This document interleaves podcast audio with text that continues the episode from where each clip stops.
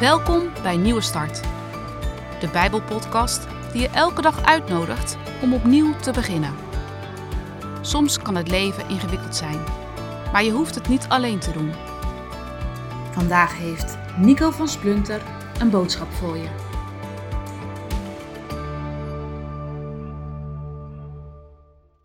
In de Bijbel kun je lezen hoe ingewikkeld mensen soms in elkaar kunnen zitten. Complex gewoon.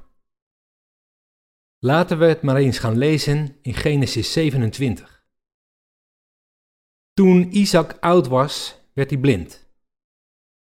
Op een dag liet hij Esau zijn oudste zoon bij zich komen. Hij zei: Luister, mijn zoon.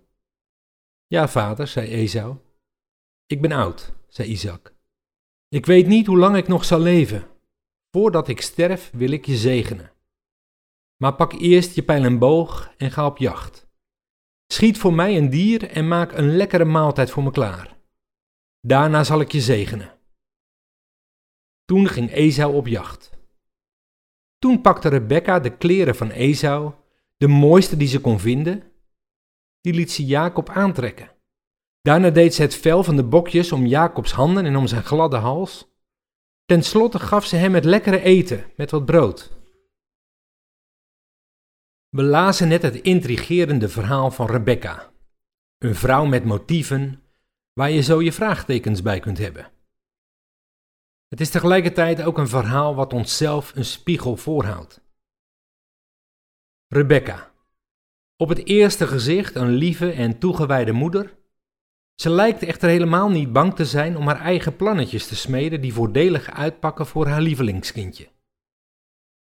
Je zou zelfs kunnen zeggen dat ze de architect is van een bedriegelijk scenario, waarbij haar jongste zoon Jacob, verkleed als zijn broer Esau, de zegen van zijn vader wegpikt van zijn oudere broer. Dit verhaal roept ook vragen op over de grenzen van onze zorg voor anderen en waar die grenzen ophouden en omslaan in een vorm van manipulatie. Rebecca's rol in dit verhaal laat zien dat menselijke relaties best ingewikkeld zijn. Het lijkt er namelijk op dat haar acties niet alleen draaien om het vervullen van Gods belofte, maar vooral om het verwezenlijken van haar eigen doelen en voorkeuren. Rebecca's rol laat zien dat liefde en toewijding soms maar al te snel samenvallen met wat we zelf willen. Rebecca's slimme plannenmakerij laten ons zien dat liefde en toewijding soms ook heel snel worden vermengd met persoonlijke ambities en strategische manipulatie. Toch gaat het in dit Bijbelverhaal niet alleen om de acties van één vrouw, maar het laat ook iets zien van onze eigen complexe aard. Het verhaal van Rebecca is een spiegel waarin we ook onze eigen keuzes en drijfveren kunnen zien. Want misschien zit er tussen alle goede bedoelingen van ons toch ook wel heel veel eigenbelang.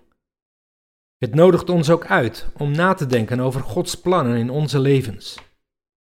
Want als je niet oppast, loop je God en zijn belofte met alle goede of minder goede bedoelingen van ons toch behoorlijk voor de voeten.